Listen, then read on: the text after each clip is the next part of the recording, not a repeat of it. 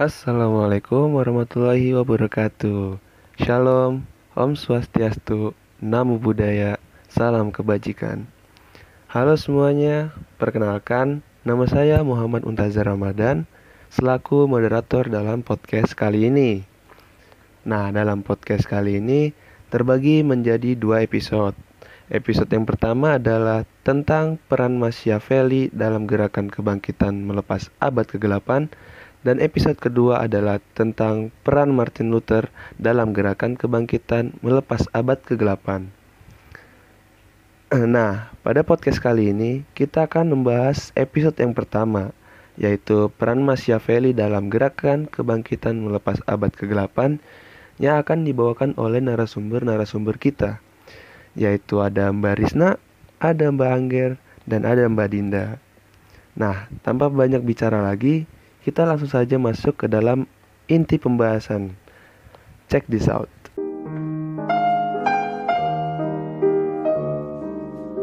Nah, sekilas tentang biografi Niccolo Machiavelli, ia dilahirkan pada tanggal 3 Mei 1469 di Florence, Italia.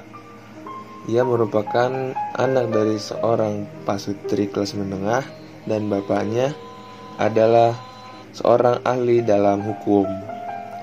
Nah, di usia muda, Niccolo Machiavelli merupakan murid dari seorang guru Latin terkenal, yaitu Paulo da Roncaglione. Dan ada yang berspekulasi bahwa ia juga berkuliah di Universitas Florence. Korpusnya mengungkapkan bahwa Niccolo Machiavelli menerima pendidikan humanis yang sangat baik. Oleh karena itu, dengan masuknya dia ke dalam pandangan publik, ia diangkat menjadi kanselir kedua Republik Florence pada tahun 1498. Dan pada saat itulah kita mulai memperoleh gambaran yang lengkap dan akurat tentang hidupnya Niccolo Machiavelli. Selama 14 tahun berikutnya, Machiavelli terlibat dalam kesibukan aktivis diplomatik atas nama Florence, berpergian ke pusat-pusat utama Italia, serta ke istana kerajaan Prancis. Sejumlah besar surat yang masih ada, kiriman, dan tulisan sesekali bersaksi tentang tugas politiknya serta bakat akutnya dalam menganalisis kepribadian dan institusi. Menjelang akhir hidupnya pada tahun 1520, ia ditugaskan oleh Kardinal Giulio de Medici untuk menyusun sejarah Florence, tempat kelahirannya.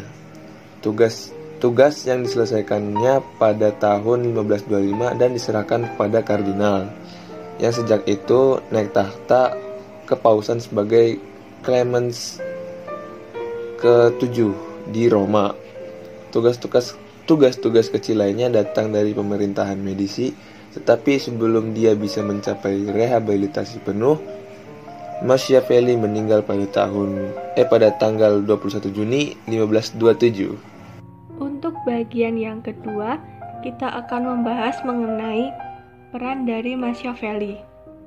Jadi, Machiavelli berkontribusi pada sejumlah besar wacana penting dalam pemikiran Barat, terutama teori politik. Tetapi ada juga mengenai sejarah dan historiografi, sastra Italia, prinsip peperangan, dan diplomasi. Tetapi walau begitu, Machiavelli tampaknya tidak pernah menganggap dirinya seorang filsuf, bahkan dia sering secara terang-terangan menolak penyelidikan filosofis sebagai hal yang tidak penting, juga tidak ada mandatnya yang menunjukkan bahwa dia cocok dan nyaman ke dalam model standar filsafat akademis. Namun, ada alasan bagus untuk memasukkan Machiavelli di antara filsuf politik terbesar. Beberapa di antaranya ada di dalam tulisannya. Terlepas dari goda untuk menekankan pragmatisme politiknya, perdebatan ilmiah yang hidup berkecamuk tentang kehadiran filosofi yang koheren dan asli yang ditujukan pada topik-topik yang menjadi perhatian para filsuf sebagai inti pemikirannya. Machiavelli dapat dikatakan sebagai filsuf politik kekuasaan pada zaman Renaissance. Awal ketertarikannya didasarkan dari pengalaman hidup selama berada di Florence, Italia, yang merupakan pusat kekuasaan politik Eropa abad ke-14. Ia menuliskan karyanya, salah satunya adalah Sang Penguasa, yang merupakan suatu pendobrakan terhadap legitimasi moral, sehingga wajah penguasa bukan saja wajah seorang yang bersih, suci, murni, sopan, dan feminim, tetapi wajah penguasa yang licik, kotor, berdarah, dan garang seperti layaknya wajah manusia yang penuh ambisi, yang senantiasa gelisah dan resah, sampai seluruh ambisinya terwujud menjadi kenyataan.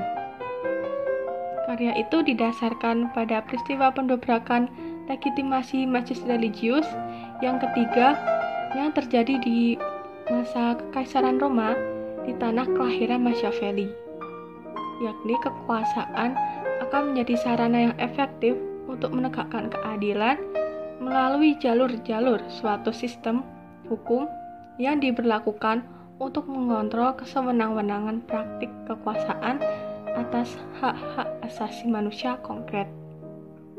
Dia juga menulis syair, drama, dan persa pendek, kemudian menulis studi tentang The Art of War yang diterbitkan pada 1521 dan menghasilkan sketsa biografi dan sejarah. Yang terpenting, ia menyusun kontribusi besar lainnya untuk pemikiran politik seperti Discourses on the Ten Books of Titus Livy, sebuah eksposisi dari prinsip-prinsip pemerintahan republik yang menyamar sebagai komentar atas karya sejarawan terkenal Republik Romawi. Berbeda dengan The Prince, The Discourses ditulis dalam jangka waktu yang lama, mungkin dimulai pada tahun 1514 atau 1515 dan selesai pada tahun 1518 atau 1519. Meskipun sekali lagi hanya diterbitkan secara anumerta pada tahun 1531.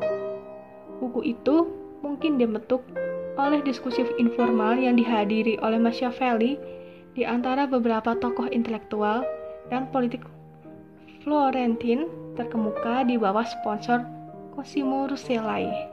Nah, bagaimana nih pemaparan dan penjelasan dari para narasumber kita tadi? Mudah dipahami kan? Nah, kalau sudah paham, untuk episode pertama kali ini cukup sampai di sini saja. Terima kasih pula sudah mendengarkan podcast ini. Semoga dengan mendengarkan podcast ini dapat menambah wawasan bagi pendengar sekalian. Akhir kata saya ucapkan wassalamualaikum warahmatullahi wabarakatuh. Sampai jumpa di lain waktu semuanya. Dadah.